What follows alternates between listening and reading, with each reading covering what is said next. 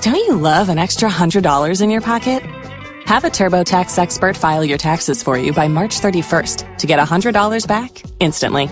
Because no matter what moves you made last year, TurboTax makes them count.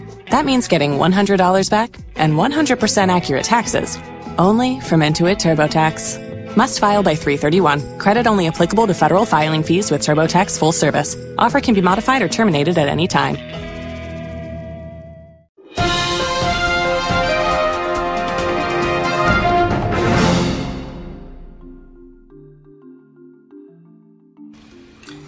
De la prehistòria a l'època contemporània. Tot i que la divisió de la història de la humanitat en edats és convencional, és útil per fer-ne una delimitació cronològica aproximada. Les edats o períodes en què dividim la història són les següents. La prehistòria. La prehistòria és el període més llarg de la humanitat.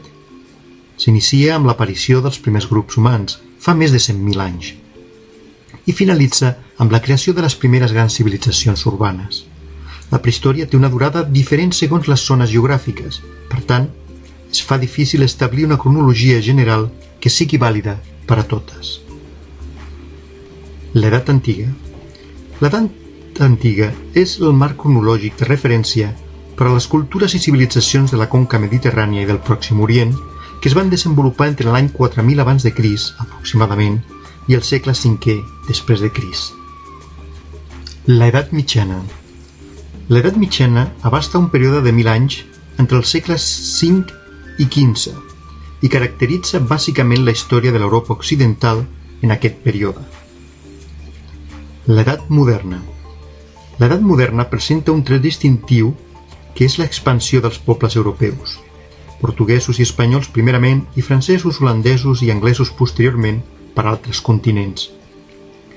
L'edat contemporània.